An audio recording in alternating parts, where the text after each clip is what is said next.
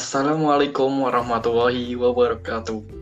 Selamat pagi, selamat siang, selamat malam, selamat petang, selamat sore.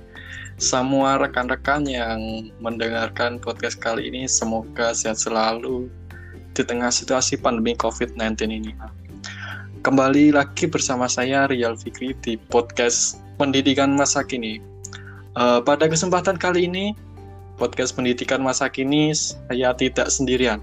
Saya ditemani oleh Ibu Fahna Sawila Miftanisa dari perwakilan guru inovatif bidang media di SMK yang akan membersamai saya ke depan nantinya. Uh, selamat datang Ibu, selamat bergabung dalam podcast pendidikan masa kini. Uh, iya. Bagaimana kabarnya? Terima kasih saudara Riza. Alhamdulillah kabar saya baik. Ya, Ibu, terima kasih. Sebelumnya, uh, sebuah kebanggaan besar karena di tengah kesibukan yang padat sekali bagi Ibu sudah bisa menyempatkan waktunya di sini. Uh, iya, saya juga ingin berterima kasih kepada podcast pendidikan masa kini karena mengundang saya pada acara ini saya sangat baik.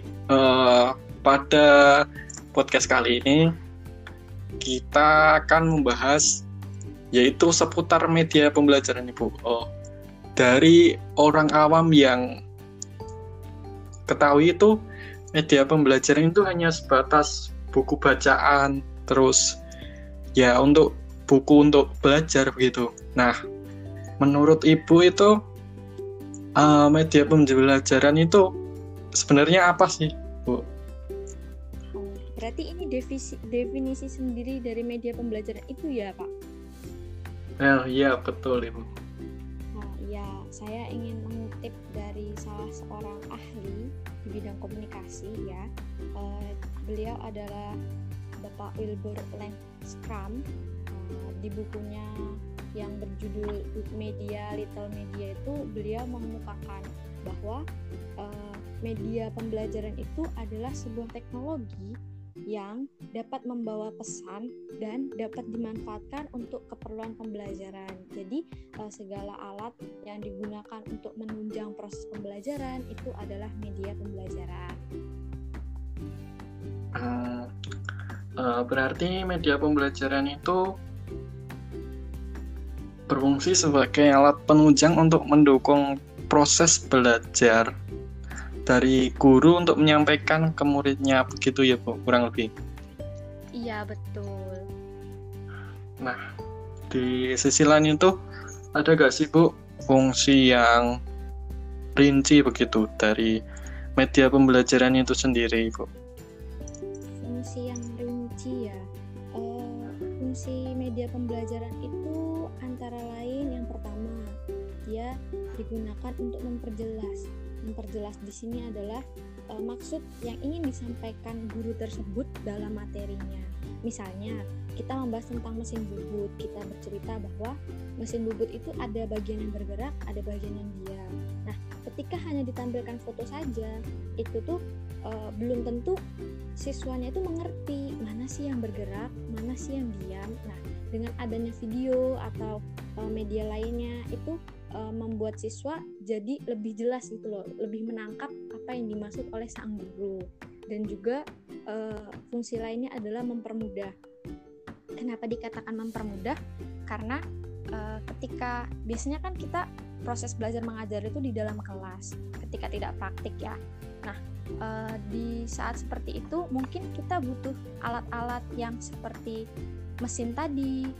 Kalau kita harus datang ke bengkel secara langsung kan otomatis memakan waktu. Nah dengan adanya media ini tuh juga bisa mempermudah proses tersebut. Kita tampilkan saja videonya maka itu lebih mempersingkat dan efisiensi waktu. Dan uh, serta fungsi lainnya yaitu meningkatkan antusias siswa biasanya kan siswa-siswa itu tertarik dengan adanya video, dengan adanya tayangan-tayangan gambar-gambar seperti itu, lebih tertarik untuk menyimak dan rasa penasarannya itu semakin tinggi gitu loh untuk mengikuti pembelajaran. Serta yang terakhir itu melampaui batasan ruang kelas. Uh, kenapa disebut seperti itu? Contohnya saja kita ingin belajar bagaimana sih proses pembuatan mobil sebenarnya. Lah kita tidak perlu datang ke pabriknya langsung tapi kita juga bisa melihat tayangan videonya seperti itu. Oh. Uh, banyak. Ya ternyata fungsi dari media pembelajaran itu ya. Iya banyak sekali. Nah tadi kan ibu menyampaikan mengenai itu ada media video ada foto juga. Terus berarti ada banyak macam-macam jenis media pembelajaran nah itu digolongkan berdasarkan apa ya Bu? Dan contohnya itu apa saja meliputi apa gitu Bu? Oh, baik. Uh, media pembelajaran itu biasanya digolongkan berdasarkan jenisnya ya Pak. Nah, jenisnya di sini oh. ada saja. Yang pertama itu ada media visual. Seperti yang kita tahu, media visual itu yang bisa terlihat ya. Uh, contohnya itu seperti apa? Gambar, foto, lukisan itu adalah media visual. Yang kedua ada media audio. Media audio itu media yang bisa kita dengar. Contohnya itu seperti apa? Ada radio, ada podcast seperti ini, uh, musik mungkin. Nah seperti itu. Dan yang ketiga itu ada audio visual, yaitu media yang menggabungkan antara media audio dan media visual. Contohnya adalah uh, tayangan video, televisi seperti itu. Dan uh, yang keempat itu ada media cetak. Mungkin yang lebih familiar itu media cetak ya pak. Karena biasa kita belajar menggunakan buku majalah koran dan yang media ke lima itu adalah media model atau replika. Biasanya kita lihat uh, seperti miniatur-miniatur itu bentuk-bentuk kecilnya atau misalnya kita belajar tentang sel itu kan ada replikanya tentang sel itu isinya apa saja lah itu media model. Dan yang terakhir itu ada media realita. Di mana ketika kita misalnya ingin belajar tentang tumbuhan kita mengambil tumbuhan itu secara langsung dan dipelajari langsung itu adalah media nyata atau realita. Kita belajar tentang mesin bubut, kita datang ke mesinnya langsung dan belajar di situ itu adalah media nyata. Seperti itu, Pak. Kurang lebih. Nah, saya baru tahu berarti itu ada penggolongan media-medianya dan juga banyak juga ya. Uh, dulu itu saya itu kan lulusannya ya udah zaman. Dulu tuh itu ya sekedar ada buku terus juga ada papan tulis itu yang hitam sama kapur gitu. Iya. Kalau zaman dulu kan pak teknologi itu belum se berkembang. Mohon maaf berisik pak. Ya maklum ya. Di rusun uh, dulu kan teknologi itu tidak seberkembang pesat seperti sekarang pak. Karena zaman dulu kita uh, bekerja, uh, belajar dengan fasilitas seadanya. Tapi saat ini kan teknologi sudah semakin modern ya kan? Uh, akses internet sudah bisa dicapai di mana saja. Dan dengan adanya kemajuan teknologi seperti itu diharapkan guru-guru mampu mengoptimalkan penggunaan media dalam proses belajar mengajar. Begitu pak. Oh nah begitu ya. Uh, nah ini saya ada pertanyaan lagi. Nah kan media itu berat nggak bisa dimanfaatkan semuanya di seluruh wilayah Indonesia bu. Karena pembangunan di Indonesia ini kan belum merata nah itu dalam menentukan itu hal-hal apa saja sih yang berpengaruh untuk menentukan media pembelajaran itu digunakan begitu berarti tentang pemilihan kriteria media itu sendiri ya Pak? Iya Bu. Iya, uh, pemilihan media, iya memang sih karena peng pembangunan ya di Indonesia masih kurang merata. Pemilihan media itu bisa dilihat dari action. Action ini adalah singkatan. Yang pertama A-nya itu apa? A-nya itu adalah akses. Di mana dalam memilih media kita harus melihat aksesnya. Apakah mudah dicapai, apakah dapat diakses oleh seluruh lapisan masyarakat, seperti itu. Dan yang kedua tuh C, cost atau biaya. Nah, biayanya itu seperti apa? Apakah mahal atau bisa dijangkau oleh masyarakat menengah ke bawah atau seperti apa? Nah, itu juga harus diperhatikan karena biayanya biasanya yang paling krusial itu adalah biaya. Dan yang ketiga itu adalah teknologi. Misalnya kita ingin menggunakan teknologi nih, bagus sekali, tapi dia tidak bisa uh, apa ya dijangkau oleh lapisan masyarakat yang lain. Nah itu lebih baik jangan digunakan.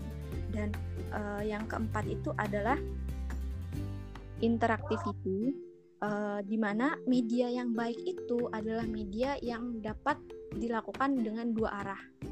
Jadi ada interaksi antara guru dengan siswanya. Jadi tidak hanya guru terus yang berbicara. Nah, terus media yang ke pemilihan media yang kelima itu eh ya yang kelima ya itu adalah organization di mana uh, apakah media itu mendapat dukungan dari pihak yayasan atau pihak sekolah atau pemerintah gitu loh. Apakah disediakan atau bagaimana. Jadi jangan kita mengambil media yang se seinginnya kita saja tanpa memperhatikan dari pihak-pihak yang bersangkutan.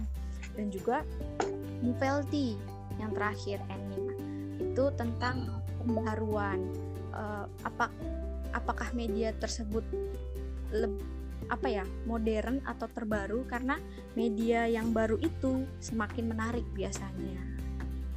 Kurang lebih seperti itu kan oh iya.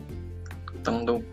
Seharusnya itu uh, media baru itu sebagai apa ya sebagai pendukung untuk kita melakukan pembelajaran begitu ya Bu.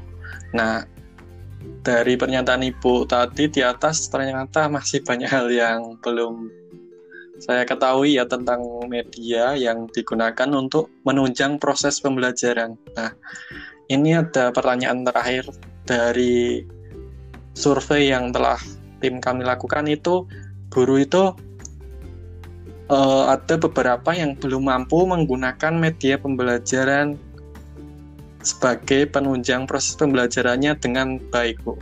Nah, pertanyaannya, kenapa begitu penting seorang guru menggunakan sebuah media untuk proses pembelajarannya?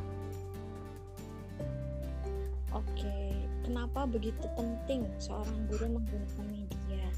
Karena seperti yang telah saya jelaskan tadi pada fungsi ya, Pak. Uh, media itu memperjelas, membuat siswa jauh lebih memahami, lebih mudah dicerna.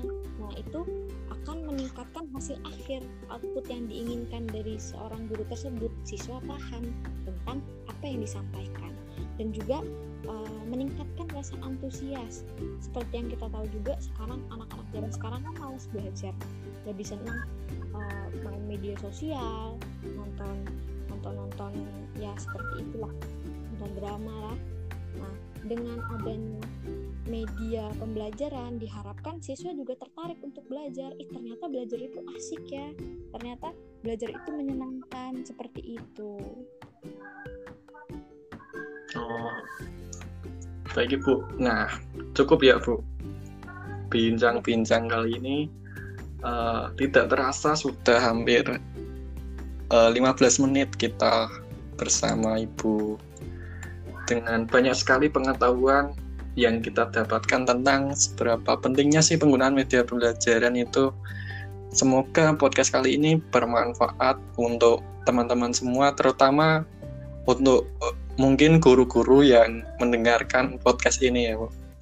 Uh, terima kasih Bu Fana atas waktunya. Ya. Mungkin ada pesan-pesan untuk yang mendengarkan silahkan ya Bu.